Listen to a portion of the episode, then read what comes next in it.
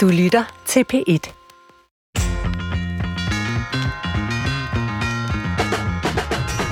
Jeg er blevet kimet ned af et par psykiatere fra Randers. De vil ikke have flere penge til deres afdeling. Som et af de få steder i psykiatrien har de faktisk ledige sengepladser. Hvad gør de anderledes? Og hvad har en psykiatrisk patient egentlig behov for? I Brinkmanns Brix vil vi endnu en gang tage fat på psykiatrien, men måske fra nogle lidt andre vinkler, end vi plejer. Vi håber, at det vil give nye perspektiver på denne omdiskuterede del af sundhedsvæsenet. Så velkommen til.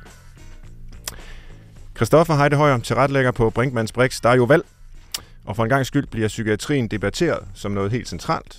Politikerne taler faktisk om det, og når man undersøger, hvad vælgerne går op i, så ligger det helt op i toppen. Men øh, der er også relativt bred enighed om, at det ikke står så godt til i psykiatrien. Det er selvfølgelig også derfor, man taler om det, kan man sige. Når man er politiker, så er der valgkamp, og så er der én ting, man lover. Det ved du godt, hvad er.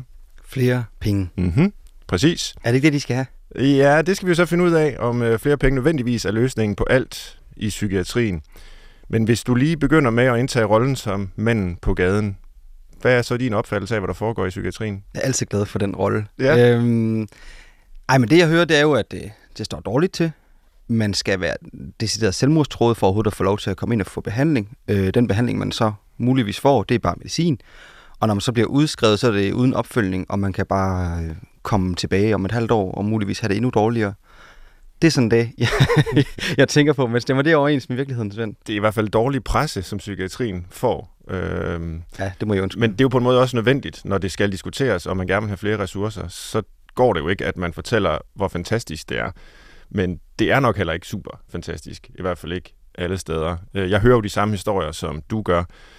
Det er nok ikke hele sandheden, men det er en del af den, som, eller tæt på den, som Jonathan Spang ville have sagt, hvis han var her. Øhm, vi skal også bare huske, at der findes mennesker, som får hjælp i psykiatrien, som bliver udredt, som bliver diagnostiseret, som bliver behandlet og som bliver raske. Hmm. Og øh, det er jo heldigvis også, også en del af historien. Men Hvorfor har vi overhovedet en psykiatri? Altså, hvem er det? Hvem er psykiatrien til for? Hvem skal de hjælpe derinde? Ja, det korte svar er jo de psykisk syge. Og så åbner det jo op for en kæmpe diskussion af, hvad er det for nogen, og hvilke begreber har vi om psykisk sygdom. Der er folk, der vil benægte, at der overhovedet giver mening at tale om psykisk sygdom. Så er der nogen, der taler om psykiske lidelser eller psykiske forstyrrelser. Alene terminologien er omstridt og har været det altid. Øh, Er man øh, en patient, ligesom i somatikken, eller er man et menneske med livsproblemer? Hmm. Øh, alt det der kan vi diskutere, men man kan sige, grundlæggende har vi jo en psykiatri, og har fået en psykiatri siden øh, 1800-tallet, fordi man havde brug for at putte folk et sted hen i, i moderne samfund, men, men man kunne ikke bare have dem på gårdene, eller i baghusene, eller hvor man nu opbevarede de gale, øh, mm. eller rummede dem, eller ikke rummede dem. Øh, før psykiatrien, så opfattede man jo mange af de her mennesker som øh, umoralske, som besat af djævlen, og så begyndte man at forstå dem i lyset af, af, af lægevidenskaben og øh, medicinen, og så blev psykiatrien et lægefagligt speciale. Og det er jo faktisk ikke så længe siden, øh, når man tænker efter. Og så er det jo bare vokset lige siden. Antallet af, af diagnoser, antallet af folk, der får diagnoserne, antallet af øh, læger, øh, psykiater og simpelthen også psykologer, der arbejder i, i psykiatrien. Men det er åbenbart ikke nok. Det er ikke vokset nok. Jamen, vi hører engang mellem ledende psykiater være ude og sige, jamen, vi behandler faktisk mange flere i dag, end vi gjorde for 20 og 30 år siden. Og pengene er bare ikke fulgt med. Det er derfor, vi ikke øh, kan gøre det godt nok. Er det bare flere hænder, flere senge, flere penge, der skal til? Metoden er der. Ja, altså det afhænger jo nok logisk set helt af, hvad man bruger pengene til. Fordi flere penge har jo ingen gavn, eller gør jo ingen gavn, hvis man bruger dem på noget, der ikke har en effekt, som ikke virker, som ikke hjælper. Øhm, så det er i hvert fald noget, jeg gerne vil have diskuteret i dag. Mm. Hvad skal de her penge i givet fald øh, gå til, som rigtig mange også, rigtig mange politikere gerne vil afsætte til det her område? Det er jo ikke helt ligegyldigt. Hvis du blev ramt af en alvorlig depressionsvind, vil du så være tryg ved at lade dig indlægge på et psyki- psykiatrisk øh, hospital i Danmark? Oh, jeg ville så gerne kunne sige ja. Det vil jeg være helt tryg ved. Men jeg må indrømme, at ud fra alle de historier, jeg har hørt, for jeg får mange henvendelser fra folk, fra patienter, fra folk, der har været indlagt, der har været en del af systemet, så kan jeg faktisk ikke helt ærligt sige, at jeg vil være tryg ved det. Hvorfor? Hvad vil du være bange for eller utryg ved? Øh, jamen, hvis man ser på, hvor øh, mange, der bliver raske, Øhm, og hvis man ser på, hvordan der ser ud på psykiatriske afdelinger, hvis man ser på, hvilken behandling man typisk får, hvordan man bliver mødt, hvem man taler med, så er det ikke altid lige imponerende, for nu at sige det mildt. Det må vi gøre noget ved.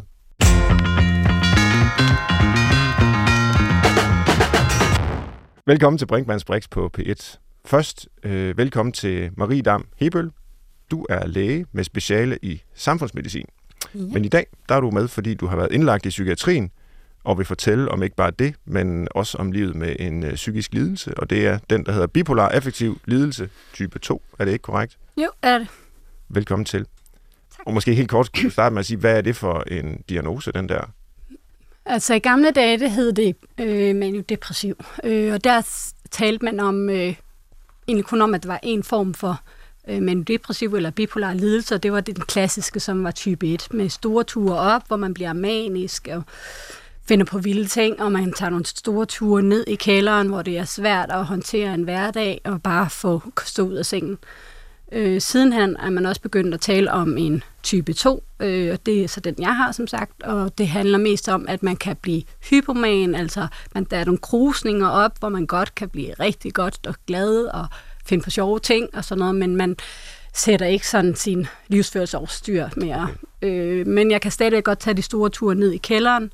Heldigvis så kan jeg dæmpe meget af det oftest, øh, fordi jeg kan mærke faresignalerne. Ja. Men det er sådan det, der definerer sygdommen, som jeg ser den tak for det, og tak fordi du stiller op og fortæller om det, og du må selvfølgelig også gerne trække på din øh, viden som læge og, og det samfundsmedicinske i øvrigt, hvis du vil. Men vi skal også lige have introduceret vores to andre gæster. Det var dem, der har ringet til mig fra Randers, i hvert fald den ene her, øh, Christian øh, Slot, som er psykiater i Randers. Øh, de er begge to overlæger på, i øh, regionspsykiatrien. Både Christian og andre, Anders øh, Lindelof, øh, som sidder ved siden, er der. Velkommen til jer begge to. Tak for invitationen. Vi er glade for at være her. Ja, tak fordi I måtte komme. Vi skal høre fra jer lige om lidt. Øhm, men først så vender vi tilbage til Marie og din historie. Øh, fordi du har, som jeg har forstået det, nu må vi høre din historie jo, men gode erfaringer med psykiatrien. Du sidder i hvert fald her øh, og ser både øh, glad og velfungerende ud. Øhm, så det er også bare en vigtig historie at fortælle. Hvordan begynder den og Marie, det kan være, at du bare skal simpelthen fortælle om øh, din sådan øh, baggrundshistorie, hvordan, hvor du voksede op, og hvordan var din barndom? Jamen altså, jeg voksede op i en stor kernefamilie øh, i det øh, midt-sydjyske, øh, og øh, alt var godt og fryd og gammel, og som sagt en stor børneflok, to forældre. Øh, vi var næsten selvforsynende derhjemme med kød og grøntsager, og øh, alle havde det godt og faste job og god skolegang. Men så øh, på et tidspunkt, øh, så begyndte tingene at glide lidt, og mine forældre de gled fra hinanden og blev skilt. Øh, og det var ligesom om, at der skete der et eller andet inde i mig. Der var jeg 12 år, 12 år gammel. Øh, ja. Og øh, det var ligesom om, at siden da, der havde svært ved at føle en kerne øh, som om noget var gået i stykker. Det er den her perfekte hverdag, hvor alt var fryd og gammel i hvert fald. Det var den fornemmelse, man havde som barn. Ja. Øh, den forsvandt, øh, og derefter så blev det mere til, at vi prøvede at få, få hverdagen til at fungere, og vi øh, havde lige pludselig to hjem, og alle forsøgte at holde på sit og øh, holde facaden. Øh, og så var det ligesom derfra, ja, at, at mine problemer startede. Øh, Reagerede du allerede som 12-årig med noget, du i dag vil sige var sådan symptomer på, øh, på, på, på nogle, nogle psykiske lidelser, eller hvordan var det? Jeg blev meget indadvendt. Øh, jeg trak mig mere. Jeg, øh, jeg begyndte at få anoreksi øh, i den alder der. Ja. Øh, og så var det ligesom om, jeg levede mere for præstationerne. Øh, fordi jeg ligesom, jeg tænker, at det var den her følelse af at mangle en kerne, så kunne jeg ligesom leve i, for, i form af de præstationer, de tilkendegivelser, jeg fik på mine præstationer, altså sådan i skolen og, og den slags. Mm. Øhm, ja. Øh, Hvordan udviklede det sig så derfra? Øh, ja, altså, det var den der fornemmelse, at jeg hele tiden haltede bagefter. Jeg ja. forsøgte hele tiden at præstere, præstere og præstere, men jeg kunne aldrig helt opnå det der, jeg gerne ville. Kun helt kort var, jeg havde den der flygtige øh, følelse af succes, eller frihed, eller øh, den slags følelse, men det var, det var mere i form af, at, at det handlede om, at være noget i form af, hvad man kunne, og ikke i form af, hvad man, hvem man egentlig var. Øhm, og øh, jeg, kan ikke, jeg skal ikke kunne sige, hvorfor det var. Øhm, fordi at, altså, på hjemmefronten så alt jo normalt ud igen. Man kunne mærke kærligheden, man kunne mærke hinanden langt hen ad vejen. Øh, men det var ligesom om, jeg kunne ikke komme tilbage til den, jeg var. Ja. Øhm, det barn, jeg var. Mm. Øhm. Men du beskriver det lidt som to forskellige ting, øh, som jeg hører det i hvert fald. Altså dels øh, din forældres skilsmisse, og at du der mistede den her kerne, og så din trang til at ville præstere. Øh, hænger det sammen på nogen måde, eller var det bare ligesom noget, nogle uheldige omstændigheder, eller nogle uheldige processer, der, der faldt sammen? Jeg tror, det var nogle uheldige sammenfald, nogle uheldige processer, også i form af det her det med, at man er fem børn, så der skal egentlig noget til, før man bliver set nogle gange, mm. fordi at der er mange ting, der skal gå op, ikke? Jo. Øh, særligt når der jo er to hushold øh, og sådan. Øh, så jeg tror også, det var lidt det, at, øh, øh, at det der med, for at nogle gange skulle man, kunne man godt måske få følelsen af, at man ikke blev set, med mindre man netop øh, ydet, i stedet for at man bare var. Mm. Øh, efter gymnasiet, øh, det skal sige, i den periode øh, flyttede min spiseforstyrrelse fra at være anoreksi til bulimi. Øh, og det tror jeg også har noget at gøre med, at det kan næsten være et belønningssystem i sig selv, øh, hvor man selv forsøger at, at holde kontrollen i eget liv og kunne belønne sig selv, altså spise en masse slik og gå ud og kaste op øh, flere gange dagligt og, og sådan noget. Så man ved, hvad der var billig slik og hvad der var billig mad og, og den slags. Øh, Opdagede dine omgivelser, at du havde bulimi og anoreksi før det? Et par gange blev jeg ligesom taget i det. Ja. Og så var det ligesom om, når jeg, da jeg blev konfronteret med det, så faldt paraderne fuldstændig. Så kunne jeg ikke længere holde sammen på mig selv. Øh, og sagde alting, som det var. Men lukkedes egentlig igen derefter hurtigt om mig selv, og sagde, jamen jeg gør det ikke mere, alt er godt nu. Øh, og så var det bare same shit. Øh, egentlig. Men troede dine omgivelser så på det, at nu var alt godt? Øh... Ja, fordi at vi var jo alle sammen, man er jo, man er jo altid smilende, og, og man gør det godt både med venner og fritidsaktiviteter og skolen, og, men der er bare den her indre larm og uro, og, øh, som der bare buller ud af, ja. men som ingen måske altid ser, hvis man virkelig, medmindre man virkelig krasser i lakken. Og hvornår fik du første gang professionel hjælp? Det var i 2005. Ja. Øh, ja. Hvor gammel var du på det tidspunkt? Der var jeg øh, 23 år. Jeg, jeg havde gået et år på universitetet der. Øh, så det vil sige, du har gået hele vejen op gennem ja, dit ja, ungdomsliv og gymnasieliv og med spiseforstyrrelser og med de øvrige kan man sige, problematikker, du beskriver, uden at der var nogen, der havde grebet ind professionelt eller ja. henvist dig. Ja. ja. Øh, og det er jo lidt voldsomt, fordi man, det er jo i en periode, hvor man går fra barn til voksen. Ja. Så der sker virkelig meget med en, både personligt og fysisk og relationelt, eller alle de her ting. Øh, men det er, jo, det er jo fordi, det var en meget tyk skaldet facade, man til sidst får, får stablet på benene, mm. og som langt hen ad vejen jo, ja, det er sådan et skuespil, man spiller. Øh, Hvilken form for hjælp var det så, du fik? Det var i psykiatrien, ikke også? Jo, ja. det var øh, altså efter det der første år på uni som medicinstuderende, altså lægestuderende, øh, ja. der, øh, der kunne jeg lige pludselig, altså det folk de sagde til mig, det blev ligesom uld i ørerne, og mine tanker blev ligesom uld. Altså jeg kunne ikke, jeg kunne ikke forstå, hvad folk sagde til mig. Jeg kunne ikke få det ind i hovedet og modulere et svar, eller først kunne man også finde ud af, hvad mente man egentlig i forhold til det. Altså alle de her små bitte processer, som man ikke lægger mærke til i en tankevirksomhed, øh, det blev bare svært. Øh, og til sidst kunne jeg ikke komme ud af sengen. Og jeg var, havde egentlig... Jeg havde sagt til min læge, jeg havde det svært, skal siges. Øh, og jeg havde fået noget antidepressiv der. Men på et tidspunkt blev jeg på en eller anden måde samtidig både vred, endnu mere vred hele tiden, og mod systemet måske. Øh, jeg, ved ikke, jeg kunne ikke helt finde ud af, hvordan brede skulle hen egentlig, og jeg blev samtidig ligeglad, og jeg blev alt muligt, så jeg ville heller ikke tage mine piller mere. Øh, jeg var så heldig, at jeg jo som sagt har alle de her søskende, og vi boede sammen, og de blev mere og mere bekymrede for mig i den periode, fordi jeg jo så heller ikke til sidst helt ja, kunne komme ud af sengen. Mm. Øh, hvor de så til sidst slog ring om mig og sagde, nu gør vi noget. Så tog jeg alle, mit, alle de der piller, jeg ikke havde taget hen over et par uger på en gang, fik kvalme. Mm. og øh, så sagde vi, nu går vi ud til Rigskov, altså det psykiatriske hospital, der lå derude ja. i, uden for Aarhus. Ja. Øhm. Blev du indlagt? Ja. Ja, akut, eller... Ja. Ja, Øh, og hvordan var det? det var rart at ikke længere have ansvaret, fordi man var et sted, hvor man ikke kunne stole på sine egne sanser, eller tanker, eller tage vare på sig selv på nogen måde.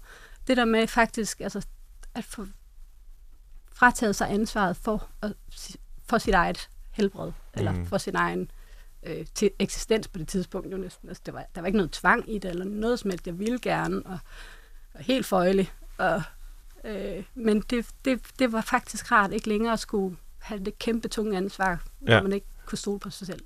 Nu sad du før og lyttede til Christoffer og, og mig, der sad og, og, og talte om vores jo, på en måde fordomme om psykiatrien, og det at blive indlagt på psykiatrisk hospital, og, og, og jeg var ikke helt tryg ved at lade mig indlægge, og nu fortæller du, at det var en lettelse. Øhm, kan du prøve at beskrive for sådan en som mig, som ikke har prøvet at være indlagt, hvordan det er, altså og hvad man ser, og hvad der sker, når man er patient? Øh, Hvordan er en, en dag? altså, det var, øh, jeg vil sige, det, altså, det, er- det er svært, fordi man ser næsten sig selv udefra, Ja. øh, og man kan ikke helt huske, hvad der egentlig er sket. Øh, og så er det den her, man har sådan en følelse af en osteklokke, så, så, så man er ikke helt inde i sig selv, samtidig med, at alle ens sanser alligevel er helt hvad det hedder, øh, jeg ved ikke, øh, jeg så egentlig måske mig selv meget sådan udefra, altså sådan, jeg ved ikke, hvad kalder man det, det personalisme, Mm-hmm. sådan et eller andet. Nå, øh, det så mig egentlig mest ligge i den der seng, og så var der nogen, der kiggede ind til mig indimellem. Ja. Øh, det var ikke, fordi jeg nåede mange samtaler el- eller noget, men bare at blive taget ud af virkeligheden, det var virkelig en lettelse på det tidspunkt. Ja. Øh, Men, men du lå i sengen, du havde ikke mange samtaler. Øh, altså, hvad bestod behandlingen i? øh, Er, er det bare at være der og blive observeret?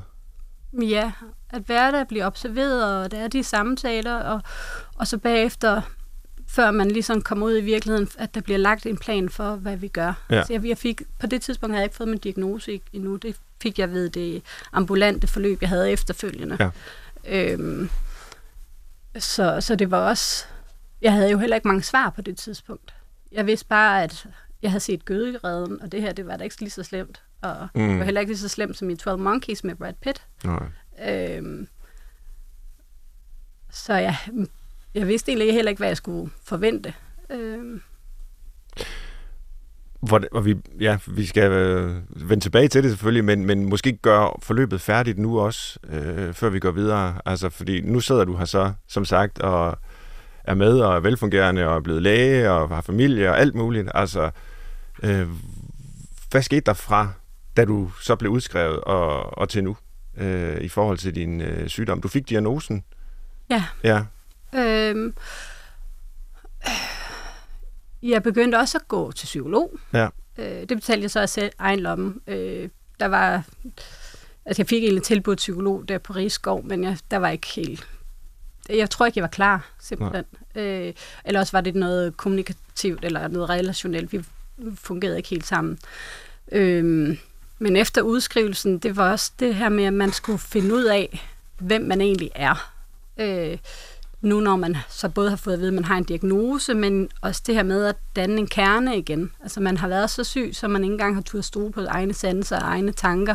Så man, det er lige før, man også er i gang med sådan en opbygning af ens egen personlighed. Øh, det må- har måske noget at gøre med, at jeg blev syg så tidligt, altså allerede før jeg egentlig blev voksen. Ja. Øhm, og derefter er det så, at man, at man har dannet sig alle de her erfaringer ud fra ens sygdomsprocesser eller sygdomsepisoder også. Øhm, initielt, det tror jeg noget af det vigtigste, var egentlig det at øhm, acceptere og erkende, hvad det egentlig er, man er op imod til tider. Mm. Øh, og forstå, hvad det er. Altså noget sygdomsedukation. Øhm,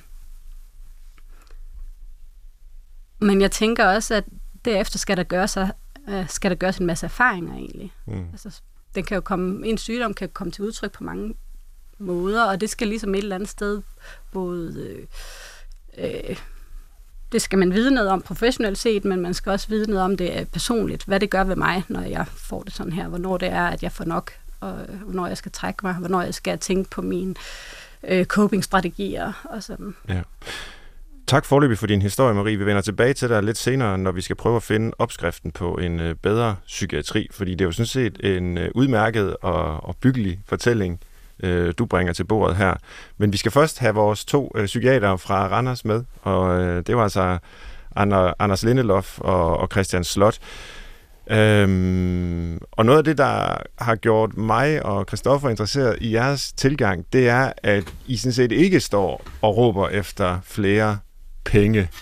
Øhm, det, det, det skal vi i hvert fald lige runde. Hvad er det, I kan, som, øh, som ikke nødvendigvis er voldsomt dyrt, og, og kan andre lære af det? Men allerførst, så synes jeg måske, I skal have lov også at forholde jer til Maries historie, Øh, jeg ved ikke, om I har nogen sådan umiddelbare reaktioner på den. Vi lige have mødt Marie, hvis hun var kommet til øh, Randers og ikke til Rigskov på samme måde, som, som, som hun blev mødt af der, Christian?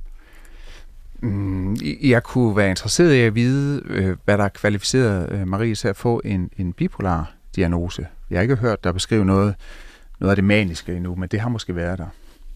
Men, men, men min interesse ville også gå lidt på at sige, at det var da egentlig en skam, at det havnede der, hvor det havnede, når du allerede som 12-årig begynder at få det dårligt, hvorfor var det, man ikke så, at du var på vej ned i et hul der?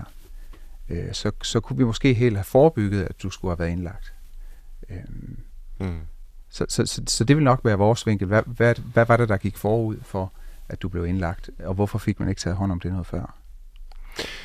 Altså, jeg hæftede mig ved Maries beskrivelse af, øh, og det var ikke noget, du sagde, hørte jeg ikke med sådan fortrydelse eller kritik, men, men at det var meget at, at, at, at ligge der i, i sengen og være observeret, og, og det var det selvfølgelig en form for sikkerhed i. Nu var jeg et sikkert sted, men det lød ikke som om, der var sådan rigtig meget kontakt med mennesker og behandling. Nu er det godt være, jeg strammer den. Du må korrigere mig, Marie, men du sidder og nikker. Jamen, det får man ikke lov til ind hos os. Jeg går personligt rundt hver morgen klokken halv ti, ja. og så vil jeg gerne øh, kaffe på sengen, hvis ikke man er stået op endnu. Ja.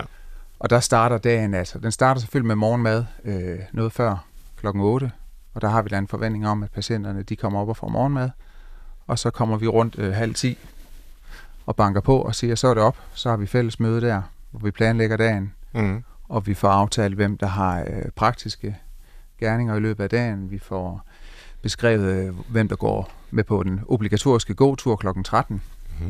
Og så vil der være aktiviteter i løbet af dagen, som man selvfølgelig også er forpligtet til at deltage i, når nu man er indlagt. Det, det er øh, det er en del af det at være indlagt, det er en del af vores behandling. Det er, at man ikke ligger i sin seng. Øhm, så, så, så det, det er et krav, hvis man skal være hos os. Og så er der også ret mange samtaler. Vi har et temmelig øh, flat hierarki ind hos os, så det er ikke noget med, at det kun er Anders og jeg, der må have patientsamtaler. Øh, den super gode plejegruppe og alle de yngre læger, og vi er også så privilegerede, at vi har en psykolog ansat. De kan også noget. Den. det er vi glade for. Øh, så, så vi alle inde hos os har samtaler med patienterne. Ja. Hvor stor en afdeling er I, Anders? Hvor mange patienter? Hvor mange, vi har, øh, altså vi er jo i Regionspsykiatrien Randers, hvor vi er, øh, hvad kan vi sige, vi er tre en halv eller fire sengeafsnit, og Christian og mig, vi er så på det, vi kalder afsnit C, som er vores akutte afsnit, og så har vi, øh, og der er 14 til 16 pladser. Ja. Øh, og det er stort set fyldt op. Vi har aldrig mange overbelægninger, men, men det går egentlig fint. Og så har vi afsnit D, som er et, et, sådan et øh, resocialiserende langtidsafsnit, som er lavt øh, personalebemandet, og hvor man kan være i længere tid. Øh, og det er ikke akutte øh, problemstillinger, vi har der, men der handler det lidt om at få folk reintegreret i samfundet igen. Og det tror jeg egentlig er ganske unikt for den psykiatri, vi arbejder på den måde. Mm. Og jeg får også lige lyst til at sige tak for din historie, Marie. Øh, meget modigt, og at du har lyst til at komme og fortælle om det. Men, men for mig er du ikke den klassiske patient. Du har et stort, dejligt netværk, lyder det til. Du har din, øh, din uddannelse, og, og den klassiske patient er slet ikke så godt øh, rustet, som du er. Men vi kunne sagtens have mødt en som dig, og det glæder mig, at du har, du har fået hjælp i psykiatrien. Mm. Men kan I sige lidt mere om, hvad det er, I gør øh, anderledes end andre steder i psykiatrien? Øh, Anders, du nævnte det her med, altså det handler også meget om, om livet bagefter, øh, som I, I lægger vægt på at gøre folk klar til. Og det er ikke kun at behandle en sygdom, det er også at, at få dem godt i vej bagefter. Er, er, det, er det det, I gør anderledes?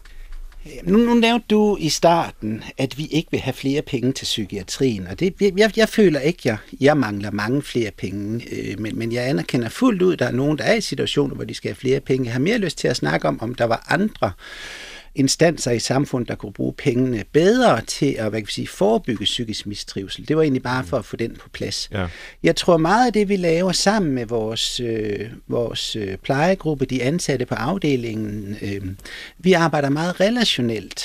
Øh, så, så jeg tror, at vores udgangspunkt er, at vi, vi prøver at møde dig som menneske og finde ud af, hvad har du brug for? Altså det kan sagtens være, at vi finder, eller vi ser en, der har, her tænker vi, det er en depression, der har slået kløerne i dig, og så, så behandler vi selvfølgelig den traditionelt, men jeg synes, hovedparten af de mennesker, vi ser, det er mennesker i, i mistrivsel, som er uden for samfundet, som øh, øh, måske har et misbrug af en eller anden slags. Øh, typisk er de ikke i arbejde, typisk er deres netværk ganske begrænset.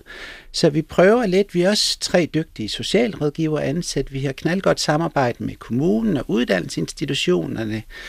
Øhm, vi prøver at undgå, hvad kan vi sige, alt for lange indlæggelser, så har vi mere det, vi kalder elektive indlæggelser. Jamen, vi forsøger at hjælpe dig i gang med et eller andet, øh, du så skal hjem og arbejde med, tilbyder ambulante samtaler, tilbyder en ny indlæggelse, hvor vi samler op på det, vi har sat i gang. Øh, og sådan, ja, jeg tror meget, det, det er relationen, vi bygger på, frem for, hvad kan vi sige, enkelt intervention. Mm. Men bare lige for at forstå, hvad I mener med, at I ikke har brug for flere penge. Er det så helt lokalt i Randers, hvor I har balance i tingene? Der er sådan set senge nok til dem, der har brug for det, og så får I folk øh, godt videre og sådan. Eller er det psykiatrien i Danmark, I mener, der ikke mangler flere penge? Fordi der er det i hvert fald nemt at, at se nogle øh, tal og statistikker på, at der er et eller andet, der ikke øh, harmonerer helt der. Altså her i valgkampen har der jo været de her øh, tal frem med hensyn til, hvor lang tid man venter øh, på overhovedet at, at komme til en psykiater og eventuelt blive udredt og diagnostiseret og indlede en behandling. Altså det er jo sådan over et år nu, så vidt jeg husker. Øh, ellers så må detektor lige kigge på det bagefter. Ja, i hvert fald ved de privatpraktiserende. Okay, ja. Øhm, det, det er anderledes i, i, i det offentlige system, hvor der er en, øh, en ja, ja, der garanti. Har, der, er, der er en garanti, ja, ja, på 30 dage. Ja, men den bliver vel ikke øh, overholdt, det synes jeg da i hvert fald også, man det, har hørt. Det, det tror jeg faktisk, vi kan. På landsplan også? Jeg ved ikke, om man gør på landsplan. Nej. Og det kan da også godt være, at de, de herovre i hovedstaden synes, de mangler mange penge, eller i Aarhus synes, de mangler ja. mange penge. Men, men jeg synes, øh, et, et problem det er jo, at de penge, som vi så skulle få, de 5 milliarder, vi har sat næsten op efter, de bliver jo taget et andet sted fra. Mm. Og lidt som, som vi har talt om her, det, der hvor man jo sparer, og det kan vi jo se, at halvdelen af alle kommunerne, de har nu spareplaner, og man tager jo typisk fra kulturinstitutioner, man tager fra børne- og ungeområdet og ældreområdet, man, man tager fra alle de institutioner, der skal forebygge, at vi får det dårligt. Man tager også fra skolerne. Måske Marie slet ikke var havnet i, i den her situation, hvis der har været større fokus på hendes trivsel i skolen. Ja. Men, men i og med, at, der ikke er, at de ikke er bedre bemandet i skolerne, så havner hun i psykiatrien. Så jeg tror desværre, hvis, hvis vi får pengene, så bliver de taget et andet sted fra, og så genererer vi flere patienter til os selv her i løbet af de kommende årtier. Mm. Hvor udbredt er den holdning i jeres sådan, uh, kollegiale kredse? Har I nogen fornemmelse af det? Ej, jeg, jeg, jeg tror, der er nogen, der deler den. Øh, de holder sig lidt under radaren oftest, er mit indtryk. Ja. Hvad siger du, Anders? Jo, men jeg, jeg tror, at... Må, måske, måske i psykologkredse er det jo væsentligt mere udbredt. Ja. Øh, men men øh, speciallæger i psykiatri, jeg tror nok, vi, vi kærer øh, lidt om vores egen rolle i, i den her sag. Altså, det er jo meget sjældent at høre fagpersoner udtale sig om, at vores område behøver faktisk ikke flere ressourcer. Øh... Ja, men vi har, jeg synes jo, som Anders sagde, at vi har egentlig sengepladser nok. Ja. Tit og ofte, så, så har vi også overbelægning, men det vil ofte være, fordi i vores optik, at efterværnet, det kommunale efterværn ikke er tilstrækkeligt. Mm vi, vi har mange autister. Vi, sidste år havde vi en autist indlagt, som kommunen ikke kunne aftage, så han var indlagt i et år. Okay. Det er jo rigtig mange sengedage, ja. han optager ja. sammen med demente, øh, misbrugere, øh, arbejdsløse, ensomme, øh, folk, som der ikke rigtig er plads til andre steder, som kommunerne har svært ved at overtage, for de har ikke rigtig ressourcerne til det. Mm. Så havner de ind hos os med fare for, at psykiatrien bliver sådan lidt en skraldespand, hvor, hvor man kan placere dem, der ikke er plads til ude i samfundet. Mm. Ja, så derfor I, I, I havde sådan en indledning, hvor I snakkede om, hvad er psykiatriens målgruppe? Altså den, den får jeg lyst til at, den er jeg nysgerrig på. Hvem er vi til for? Mm. Og der ja. tror jeg, der er sket et kæmpe skred fra, hvad kan vi sige, fra gamle dage, hvis man kan tillade sig at sige til, til den gruppe, vi har nu. Og jeg tror, der er brug for forskellige interventioner i forhold til de grupper, vi ser i dag. Mm. Så altså, er tanken, at der er simpelthen kommet flere i psykiatrien, fordi der er nogle andre systemer, der ikke længere tager sig af folk, øh, som måske tidligere kunne være blevet opfanget og hjulpet, før de endte i psykiatrien, eller, eller hvad? Nu, her for nylig kom der den her undersøgelse med cirka 50 procent af unge mennesker i mistrivsel. Og også for nylig var der de her 1000 PPR-psykologer, der talte om, hvor, hvor ringe det så ud i daginstitutioner og i skoler. Ja. Der tror jeg, at man med fordel kunne sætte ind for mm. at forebygge og sikre gode liv, så, så man ikke havner Øh, og jeg, jeg kan ikke garantere, at man ikke alligevel havner i psykiatrien, men jeg tror, det er vigtigt at sætte ind med det, der støtter folk til at at have det godt. Mm. Mette Frederiksen holdt en tale tidligere på året i øh, Folketinget på talerstolen, hvor hun øh, fik en del kritik bagefter, for faktisk at sige lidt af det, I siger, at det, vi har brug for i vores samfund, det er stærkere fællesskaber. Altså hun talte jo specifikt om børn og unge og deres mistrivsel, og hvorfor der er så mange, der øh, ender i psykiatrien og får diagnoser, og, og så talte hun om, at vi skulle have stærkere fællesskaber, vi, vi skulle fokusere på fritidsaktiviteter, spejderbevægelsen, alt det, hvor man øh, kan være øh, og trives og sådan noget. Og så sagde folk bagefter, at det var en hån mod øh, psykiatrien, fordi der er folk virkelig alvorligt syge, det kan man ikke løse med at gå til spejder øh, og, og, og, og den slags. Frygter I ikke lidt og hvad kan man sige, blive genstand for den samme type kritik, eller måske skade det momentum, der er lige nu får, øh, hvor der bliver sat fokus på psykiatrien, og de her 4,5-5 milliarder, eller hvad det er, det vil koste at bringe den i, i flyvehøjde i forhold til behovet, som Rette Nordentoft og Jakob Kjellberg, sundhedsøkonomen, har, har regnet, det koster, har regnet ud. Øh, så er der kommet den her psykiatriplan, som er en lille bitte del af det beløb, men der er jo bred enighed politisk om, at øh, der er brug for langt mere. Skulle man ikke hellere rulle den bold og sige, så skal vi bare øh, gå ind i i, i, i den argumentationskæde, frem for at sige, hov, måske kunne pengene faktisk bruges bedre andre steder? Altså, der var faktisk i, psykiatriplanen, at der afsat en del penge til et øh, bedre kommunalt samarbejde. Så det er jo ikke sådan, vi siger, at vi, vi er modstandere af det hele. Øh, de penge ville være rigtig godt givet ud. Øh, det, det er nok der, hvor jeg... Øh, det, det glæder mig mest, ja. der skal bruges penge på det. Øh, og du har ret det der med at gå til spejder, det blev, det blev flittigt delt på Dansk Psykiatrisk Selskabs Facebook hjemmeside. Vi grinede alle sammen meget af Mette Frederiksen. Ja. Øhm, men, men, men fællesskaber er jo vigtige, ikke kun for de unge, men bestemt også det at være en del af et meningsfyldt fællesskab, må det også være vigtigt for folk, som bliver udskrevet øh, inden fra, fra os. Og det, og det er da sådan noget, hvor vi har et tæt samarbejde, tættere og tættere samarbejde med kommunerne. Hvad skal der ske med borgerne, når de forlader os? Mm. Og det er faktisk tit kommunerne, de ikke har tilbud. Der er sådan noget sporadisk øh, psykiatriens hus og sådan noget, men det allerbedste, det var der at få folk knyttet til et eller andet i, på arbejdsmarkedet. Det må da også være, det må da være lidt trist at vågne om morgenen, og så have den følelse, i dag er der ingen, der savner mig, i dag er der ingen, der har brug for mig, i dag er der ingen, der elsker mig, jeg skal ingenting mm. i dag. Ja. Så, så det at kunne være en del af et fællesskab, det tænker vi er, er super vigtigt, og det er måske også noget af det, vi træner ind hos os, når jeg siger, at, at, øh, at patienterne skal op og være med til vores fælles morgenmøde, der er man jo en del af et, af et netværk. Man er en del af et fællesskab, og det fællesskab er tanken, jamen hvis vi kan flytte det lidt ud af huset, når patienterne bliver udskrevet, så er der sket noget godt i borgerens liv. De må gerne opleve, at det at være en del af et fællesskab er vigtigt for ens velbefindende. Noget andet, vi måske også gør ind ved os, det er, at når man er udskrevet, så må man gerne komme ind igen. Bare komme ind og få kaffe og være en del af vores morgenmøder, så man holder fast i, at det at være, være en del af et fællesskab er en god ting. Mm.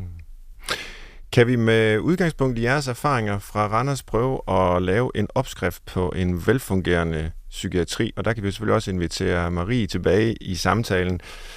Uh, og vi kan dele det lidt op i to forskellige spørgsmål. Dels, hvad er egentlig målet med psykiatrien? Altså, hvad er det overhovedet, vi ønsker at opnå? Uh, og så selvfølgelig midlerne. Altså, hvordan kommer vi derhen?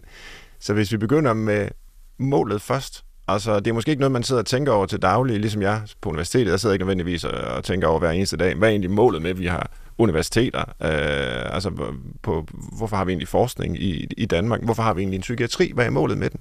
Men hvad vil I sige, øh, det er? Hvad er succeskriteriet på øh, den psykiatriske praksis i Danmark?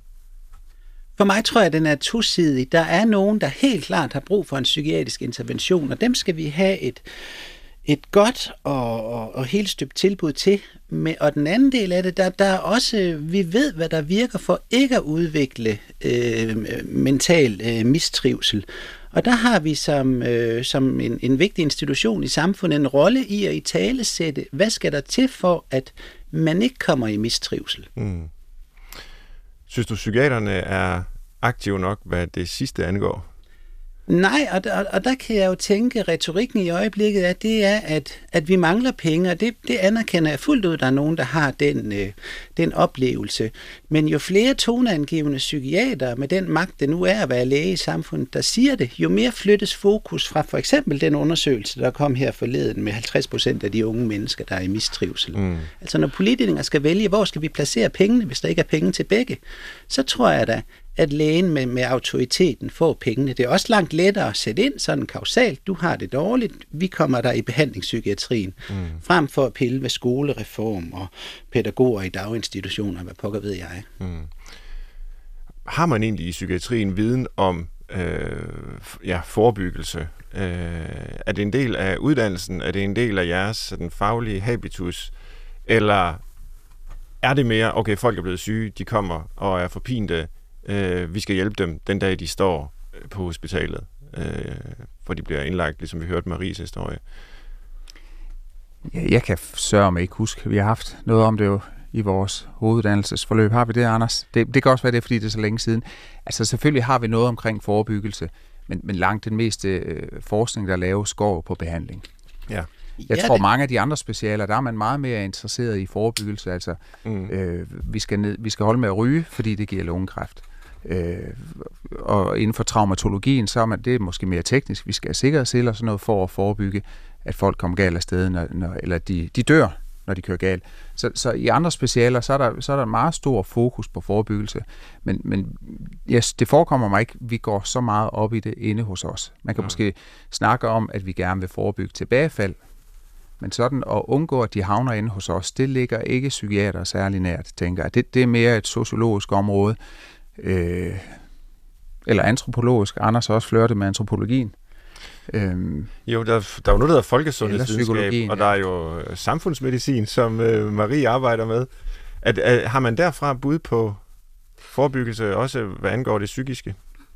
Altså jeg tænker, at noget, meget af det, som der ligesom skal være fokus på her, det er jo også overgangene. At de skal være meget blidere, de skal være meget lettere, og når man bliver udskrevet, så skal der være så skal der gerne have været en socialrådgiver indover, som der har fokus på øh, men bolig, økonomi, uddannelse, job. Og derfor skal man have skabt det her netværk med for eksempel det kommunale, eller med skolen, eller øh, ja, altså de her instanser, hvor det er, at man kan have måske, hvis man lægger en stor indsats og får skabt de her rigtig gode netværk, altså det regionale med det kommunale, og alle de kommuner, der lægger op til det, øh, det, det regionale. Hvis man har de her grupper, hvor man ved, nu er det hende her, vi skal være fat i, fordi vedkommende bliver udskrevet til den her kommune, øh, så skal vi altså lige have snakket sammen med alle os, der ved, øh, hvordan vi kan gøre, at vedkommende kommer ud til et øh, til nogle forhold, hvor at øh, det er lettere at opretholde det gamle liv, eller genskabe det gamle liv, mm. eller bare skabe liv. Det kan jo også være, at de kommer fra nogle kår, som faktisk, eller som jo gjorde dem syge, ja. og har hindret, ligesom, øh, at det er det, de kommer ud til igen. Øhm. Så der begynder vi at nærme os øh, en del af opskriften også, øh, for ja. nogle systemer til at arbejde sammen. Mm. Øh. Det handler jo om at få skabt det her netværk omkring øh, patienten, fordi det er jo ja. kun patienten, der står med det her problem alene. Det er jo også arbejdsgiveren, og det er øh, øh, øh, pårørende som hustru og børn og andre familier og og samfundet, der kommer til at skulle betale en masse, hvis det er, at vi ikke får, får gjort den her patient klar til at stå i det samfund, de kommer ud til. Mm. Øhm, så økonomi er der jo meget af. Øhm, kan, der kan man spare meget på den front også jo. Ja. Hvad vil I sige, øh, Randers Psykiaterne, Anders og Christian, øh, midlerne til at nå til den her bedre situation for psykiatrien. Og hvis jeg hører jer rigtigt, så kan man sige, selvom I går nok i Dansk Psykiatrisk Selskab grinet af Mette Frederiksen og, og det med at gå til spejder, så har hun måske alligevel lidt ret i forhold til at tale om forebyggelse jo, men samtidig har hun lagt nogle kommunale budgetter, der gør, at kommunerne skal spare massive beløb på skole- og daginstitutioner, kulturområdet, handicapområdet og hvad ja. ved jeg. Så på den måde kan vi jo ikke erstatte det med at gå til spejder. Nej. Altså for mig tror jeg, at at jeg vil ønske, at vi som psykiater var bedre til at gå i dialog med det omkringliggende samfund. Hvordan kan vi være med til at forebygge, øh, at man overhovedet bliver psykisk syg? Mm. Sådan, så det ikke kun handler om individniveau, men vi laver nogle, nogle strukturelle ændringer, øh, som på den lange bane gør, at vi ikke har så mange patienter i vores butik, som gør, at vi kan, vi kan bruge vores ressourcer og vores viden på, øh, øh, jamen på dem, jeg ved ikke, om man tør sige de rigtig syge. Mm. Jamen, ja, psykiatrien er for lidt en del af samfundet. Vi, vi er blevet sådan en ø i øen. By ja. i byen hedder det vist, ikke en ø på øen. Det er noget andet. Jeg ved slet ikke, om det findes. Vi er blevet en by i byen, ja. og for lidt en del af samfundet. Og, og løsningen på mistrivselen skal også findes i samfundet mere end den skal findes inde hos os. Mm. Men har I så bud, nu var jeg lidt drilsk før, da jeg spurgte jer, eller drillende, øh, om I overhovedet i kraft af jeres uddannelse ved noget om forebyggelse, eller lærer I kun at behandle, når det er gået galt. Men, men hvis I ligesom siger, at vi bør som psykiatrien øh, integrere os i samfundet, præge debatten, fortælle noget om, hvordan vi kan ændre nogle strukturelle øh, betingelser for vores liv, så vi undgår, at folk bliver syge. Men hvilke betingelser, og hvordan skal de ændres? Har I bud på det? Øh, fordi det er noget, vi ofte søger her i vores øh, lille radioprogram. Øh, vi har haft øh, psykologer inden, vi har haft samfundsforskere inden, som prøver at analysere børn og unges mistrivsel, og det handler nogle gange om præstationskultur, øh, perfekthedskultur og de der ting. Men hvordan pokker kan man skrue på det? Altså har I bud på det? Der, en, en lille, vi, refererer jo ofte til den her biopsykosociale model, som ja. de fleste snak har hørt om. Og, og som et kuriosum, så, så øh, i psykiatrien, så får, der er jo, vi har jo penge til læger hvis vi vil have en psykolog, så skal vi jo i Randers øh, betale for den psykolog af egne midler. Hvorimod læger, det er nogen, vi kan få. Socialrådgiver, øh, det skal vi også tilkøbe. Så, så hvis vi skulle snakke lidt om biopsykosociale model, så kan vi i hvert fald sige, at øh, det biologiske aspekt, det er betalt af regionerne, hvorimod socialrådgiver og psykologer, det har altså bare anden prioritet. Anders sagde lidt for sjov her på vejen herover, kan vide, hvis man ansat en socialrådgiver som chef i psykiatrien, frem for en overlæge. Mm. Øh, kan vide, hvad det vil give af nye perspektiver på, ja. på tilgangen. Måske vil man få en øh, socio-psyko-biomodel i stedet for en biopsykosocial model, ikke? Mm. Fordi, altså prøv at vende dem om. Ja, ja. Fordi ofte begynder det jo sådan set med sociale faktorer, øh, uden at skulle udlægge din historie, Marie, det gør du selv så glimrende, så, så, så kan man vel godt sige, at det også begynder med øh, en social problematik, skilsmisse, øh, det du beskriver også som præstations... Mm øh, kultur, du bliver violet ind i. Øh, det begynder ikke inde i dig med det biologiske, vel? Det begynder med nogle vilkår, du lever med. Og der, der tror jeg, når du siger det, det er vigtigt for mig at sige, at, at vi har forskellige grupper i psykiatrien, men den biologiske har vi også. Ja. Og det er dem, vi er gode til kvæg vores naturvidenskabelige udgangspunkt. Men de andre kan jeg bare tænke, nu har jeg tallene med, hvor mange, altså i børne- og psykiatrien, er der kom cirka 50 procent flere fra 2009 til 2018. Ja. Og, og, og jeg tror, at der er nogle sociale øh, omgivelser, der, der har, har ført dem hen til os. Men det er vigtigt at sige, at vi stadigvæk skal behandle dem, mm. hvis, hvis vi tør bruge det ord som biologi. Ja. Jeg har en øh, kollega, hun er psykolog i Region Syd, og apropos det her med, med børne- og ungepsykiatrien, de har startet et øh, forskningsprojekt. Når der kommer et barn, der er et sygt barn, så starter de med at behandle forældrene og sige, at barnet bærer ikke noget i sig selv egentlig som udgangspunkt, det er noget, der kommer fra forældrene. Og hun siger, at de har jo super gode resultater. Så, så det synes jeg er enormt spændende at se, hvor det fører hen.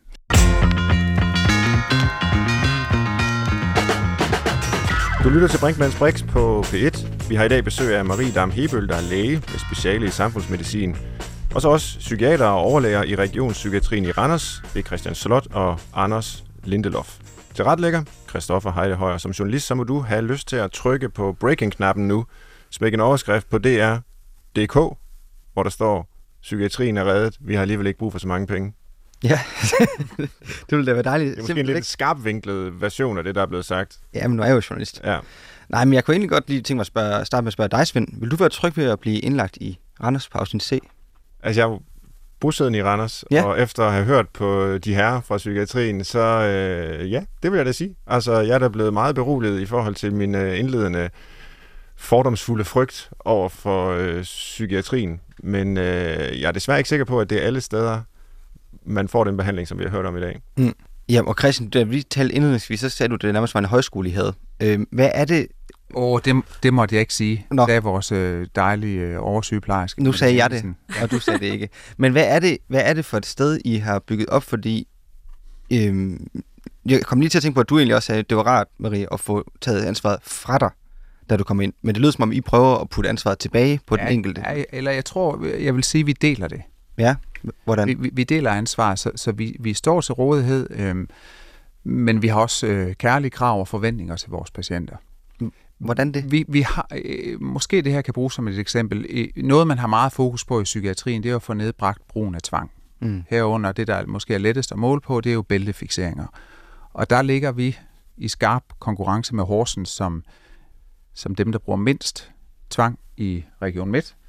Øh, jeg har ikke lige kunne få tallene fra de andre regioner, men jeg tror, at vi ligger helt i top. Så det er ikke bare langhård snak, vi kommer med her. Det er faktisk en strategi, som, som virker, og hvis man også tør måle på, på øh, overbelægninger, så ligger vi også godt i og med, at vi, vi sjældent har overbelægning. Øh, nu glemte jeg egentlig lige dit spørgsmål. Nej, men jeg, kunne, jeg vil stille et andet spørgsmål. Er det bare, fordi nu ved man også inden for behandling af psykiske lidelser, at det, det relationelle betyder enormt meget. Er det bare Christian og Anders, der er så dejlige mennesker, at der har man lyst til at være, og jeg vil man gerne være sammen med, og så er det egentlig bare alle de andre psykiater, der ikke er så sympatiske? Det kan jeg svare ja til. det var meget godt, du argumenterede på den måde. Nej, det er det selvfølgelig ikke, men, men jeg tror, for eksempel, så jeg er ikke engang sikker på, at jeg ved, hvor mit kontor er længere. Jeg har doneret det til, til vores psykolog, som øh, vi i øvrigt også er rigtig glade for. Han er lidt mere, han er lidt mere, han har mere brug for, for alene tid til at sidde og dokumentere noget af det, hans undersøgelser. Men, men mit kontor er reduceret til øh, sådan et hævsænkebord øh, nede på øh, afdelingen, lige ved siden af sygeplejerskernes kontor, og man åben dør ud til patientgangen, så, så alle kan få fat i mig til hver en tid. Og så sidder Anders, eller står ved siden af mig, øh, når han er der. Han har så travlt med alt muligt andet også. Øhm, og de yngre læger er der også, så vi er simpelthen ultra tilgængelige øh, fra 8 morgen til 15-16 eftermiddag. Og jeg tror, det, det, jeg tror, det er enormt tillidsvækkende for patienterne, at de rent faktisk, hvis de synes, der var et eller andet, de ikke havde forstået ved vores patientsamtale, så kan de lige komme og sige, hey, hvad var det egentlig, du mente der? Har du ikke glemt, at vi skulle skrue op eller ned for dit eller dat? Mm. Øhm, så det der med at være til stede lidt, eller det Anders øh, sagde indledningsvis med, med relationerne, jeg, jeg tror, de har en, de føler, de har en relation til os, og jeg føler bestemt også, at man har en relation til dem, og giver videre om det er medvirkende til, at vi har så fine tvangstal. Jeg tror simpelthen, at nogle af dem, øh, de nænder ikke at komme i bælte, for de ved, at vi bliver så kede af det. Hmm. øhm, ja, og, og, og, og vi griner, men, men jeg tror, det betyder noget, at der er en relation, der mange borderline-patienterne har jo Øh, der er jo en lang tradition for, at man bliver bæltefixeret der, for eksempel når man er selvskadende. Og, og der har vi lange snakke omkring, hvorfor man er selvskadende, men, men en del af deres ansvar, det er, at, det er, at de ikke når derud, hvor de skal i bælte. Så vi har også sagt, at du kan ikke komme i bælte her hos os. Mm. Og Anders, jeg kunne så tænke mig at spørge dig, som også er med antropologisk baggrund, hvordan kunne man tage nogle af de ting, I gør hos jer, ud i skolerne eller hos pædagogerne? Altså, er der nogle, simpelthen nogle ting, tricks, metoder, der kan adopteres videre i systemet, så vi ikke bare siger, at der skal flere pædagoger på stuen, eller ja. Øhm, der tror jeg, altså jeg har også en gruppeterapeutisk uddannelse, øhm, og noget af det, jeg lægger vægt på, jo mere øh, folk smiler og siger, at det går godt, jo værre har de det. Og det tror jeg, som også lærerne øh, er klar over. Øh, men jeg tror bare, at de mangler hvad vi sige, tid og overskud til at gå ind i det. Lærerne ved jo godt, når du smiler, når du udelukkende smiler, så er det fordi, du prøver at skjule et eller andet. Mm. Og det tror jeg, det, det tror jeg, vi er gode til på vores afdeling, øh, til at se igennem. Så man kan ikke gå fedt med det, og, og, og som, som Marie sagde, have facade på i, øh, hvad var det, 12 år eller 11 år, før du... Ja. Det er omkring. ja, ja. Jo, det kan du ude i civilsamfundet, men hos os kan du ikke, og det giver jo heller ikke nogen mening. Du er der for at få det bedre, så derfor bliver vi jo nødt til at snakke om det, der er svært. Mm. Jeg kunne tænke mig at høre jer ad øh, i Randers der. Altså, er det det, I beskriver her, jeres praksis? Øh, Christian, du har et hævsænkebord ude midt i det hele, og folk er kommet, patienterne har tillid, øh, der er yoga, altså det er, vi må ikke kalde det en højskole, men det har nogle af de elementer. Øh, er det noget, I har siddet og planlagt holdt et stort møde og sagt, hvordan vil vi have vores psykiatriske afdeling her? Eller er det noget, der opstår sådan hen ad vejen, en prøver noget, og en anden prøver noget andet, og så finder man ud af, hvad fungerer for os? Og det, det spørger jeg om, hvis nu der er andre, der gerne vil lade sig inspirere af, hvad I gør? Kræver det et eller andet stormøde, en forkromet plan, eller kræver det bare sådan det daglige mod til at eksperimentere lidt i praksis? Jeg tror, øh, vores øh, plejegruppe, øh, de har bidraget rigtig meget til de her ting. Altså, vi har, det er sådan lidt øh, trial and error. Mm. Hvad, hvad virker, og hvad virker ikke? Og, og jeg tror, at det konklusionen, det er, at jo, jo mere vi lærer patienterne at kende, jo mere virker det. Jo, jo tættere relation, jo mere virker det. Mm. Og det, igen, det er jo, som, som Anders også har sagt flere gange, det er, jo, det er jo visse patienter, eller det er en stor del af dem, vi ser. Der vil være nogen, hvor relationen er mindre vigtig. Ja. Ja, eller hvor, hvor de ikke er stand til at arbejde relationelt i starten af deres indlæggelse. Vi har også sådan noget, vi kalder åben gruppeterapi hver tirsdag formiddag, hvor dem, der er indlagt, øh, i hvert fald på det ene afsnit, inklusiv ambulante patienter, de er velkommen til at komme. Det tror jeg da også er en, en, en unik ting for dansk psykiatri, mm. øh, som vi er meget stolte af, og det fungerer godt. Og vi har sådan en anden gruppe, den er lidt sej. Det er simpelthen en uh, patient-til-patient-gruppe, hvor de kan sidde og bagtale mig og Anders og resten af plejegruppen. Der er ikke nogen uh, fastansatte med i den gruppe. Den styrer patienterne selv. Ja. Og det er også for, for ambulante. Uh, så der har de et netværk, hvor de kan Ja, hvor de kan filosofere lidt over, hvad det vil sige at være indlagt, og hvordan det er at, at være indlagt under de vilkår, som vi tilbyder. Frygter I nu efter i dag, eller håber I, at øh, I vil blive bestormet af folketingspolitikere, der gerne vil besøge jer som noget af det sidste i valgkampen, og tage billeder med øh, sammen med jer, eller hvad ved jeg, andre kolleger andre steder i landet, som, som kommer og, og vil, vil, vil lære af jer. Altså har I, har I tid til det? Og har I, øh, hvad kan man sige, tro nok på, hvad I gør, til også at mene, det vil fungere andre steder? Det var to spørgsmål. Har I tid, og har I tro mm. på det? Anders, du blev noget upopulær nede i regionen. Gjorde du ikke det, fordi du var så sur på deres pressechef en overgang? Fordi at det var umuligt at få lov til at lave den gode historie. Mm. Øh, I mange år så har vi jo også fra, og det, det kommer tilbage fra årsmødet øh, blandt andet for tre år siden, hvor det blev tydeligt gjort over for os alle sammen, at vi, vi var forpligtet til at fortælle om, hvor kummerligt det var at være ansat, og hvor kummerligt det var at være indlagt i psykiatrien. Den historie skulle ud, således at vi kunne få øh, empati, og vi kunne få penge, sympati, mm. og flere penge, og flere senge. Øh, så, så den gode historie har i bund og grund ikke været super interessant, øh, og det ved jeg ikke, om den er blevet i mellemtiden. Jo. Ja, det ved jeg heller ikke. Altså, jeg synes ikke, det er let. Øh, øh, nej, det er ikke let. Vi, vi, jeg tror på, at det kan lade sig gøre. Ja. Altså, øh, og, og der er selvfølgelig... Jamen, det, hmm, det er skidesvært. Der er nogen, der har... Der er, det kan godt være, at der er nogen... Vi har jo ikke været... Jeg har ikke været på Amager, og jeg ved ikke, hvor, hvor, hvor mange penge de har brug for derovre, men jeg er ret sikker på, at hvis vores øh, meget dygtige øh, formand for selskabet kom en tur til Randers, så ville der da være et eller andet, hun kunne tage med sig derfra. Men, men måske er der ikke tid, eller så er der ikke lyst til at, øh, at få erfaringsudvekslet på den måde, som der kunne være gavnligt, tror jeg. Man skal ikke undervurdere betydningen af at være i Brinkmanns Brix, så nu, øh, nu kommer det til at ske, tror jeg. Øh, jeg kunne tænke mig at spørge dig, Marie, øh, har du råd til den, der måtte øh, sidde og lytte på det her, eller til det her, øh, i forhold til at, at leve med en, øh, en psykisk lidelse. Øh, og, og om du så vil forholde dig til, hvordan det psykiatriske system fungerer eller ej, det, det vil jeg lade være helt op til dig. Men, øh, men på den måde altså, øh, fremtræder du jo som en form for forbillede. Så mit bedste råd det er måske at ikke identificere dig for meget med det. Ja. Altså, fordi det er egentlig bare noget, der er på besøg, altså for mit vedkommende i hvert fald, at det er noget, der er på besøg indimellem.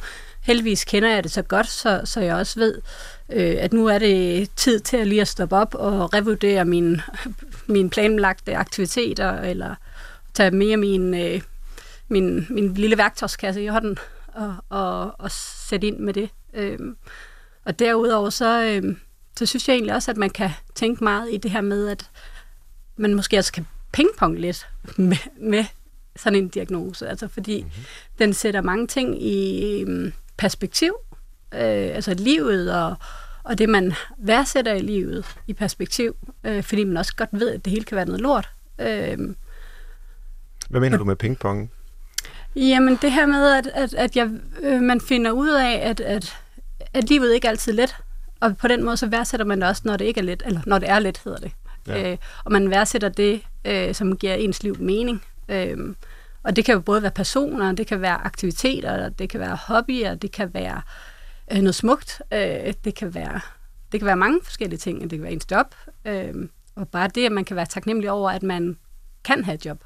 Mm. Altså, øh, og, og, så, så jeg synes egentlig, det, det, det er det der med, at ikke identificere dig for meget med en sygdom. Altså, du er ikke din sygdom. Du har en sygdom, nogle gange i hvert fald, ja. mit vedkommende. Øh, men, men det der med at give, få livet til at give mening på den måde, at man ved, hvad det værdsætter ind, og så nyder det, når man har det. Mm. Øhm. Tak for det. Og det aller sidste, vi har på øh, dagsordenen, det er vores liste. Tre gode grunde til at tage et ophold i psykiatrien er oplægget i dag. Og det skal være lidt kort, fordi vi nærmer os afslutningen. Men øh, I er jo tre personer. Jeg ved ikke, om det kan gøre så elegant, at I hver har jeres bud på, ja, jeg tænker, at det er en oplagt chance for at træde ud af præstationssamfundet. Hvad så være ja. til det? Og det er jo egentlig meget tråd med din egen historie. Ja. ja. Christian? Jeg hørte som et, et spændende begreb forleden, der er noget, der de kald, han kaldte det neurodiversitet. Vi, vi ja. er jo så glade for biodiversitet, men neurodiversitet, det kan vi slet ikke lide, der hvor vi tænker og, og agerer forskelligt. Øhm, og, og det er jo lidt interessant, at vi skal være så ensrettet. Og der kunne det gode ved at komme, øh, få et ophold i psykiatrien, det var måske at se, at vi, vi mennesker er meget forskellige, og det er ikke nødvendigvis udtryk for en sygdom. Det er bare en diversitet i vores samfund, som vi måske skulle udnytte i højere grad, end vi gør, i stedet for at se det som patologi. Det kunne være autisme, ADHD, den slags anderledeshed, som ikke nødvendigvis er en sygdom, men, men en diversitet. Ja, eller så, som Marie siger her, at man på en eller anden måde med, med de, de ting, du har været igennem, at du så sætter mere pris på, på de gode stunder i livet. Mm. Også et godt bud. Anders? Nu jeg synes, man skal komme i psykiatrien, hvis, hvis man har brug for det, ja. og, og føler, man har brug for psykiatrisk hjælp. Ja. Og så vil jeg håbe, at man får den hjælp, man har brug for. Gode ord at slutte af med. Tak for jeres input til listen. Du har lyttet til Brinkmanns Brix på P1, hvor jeg i dag har talt med de her tre inspirerende mennesker. Marie Dam Hebøl, som er læge med speciale i samfundsmedicin, og psykiaterne og overlæger i Regionspsykiatrien i Randers, Christian Slot og Anders Lindelof. Tusind tak til alle tre, fordi I bidrog til den her samtale om psykiatrien. Bag programmet er som altid tilrettelægger Christoffer Heide Højer. Jeg hedder Svend Brinkmann. Jeg håber, vi vil ved. Vi er tilbage om en uge.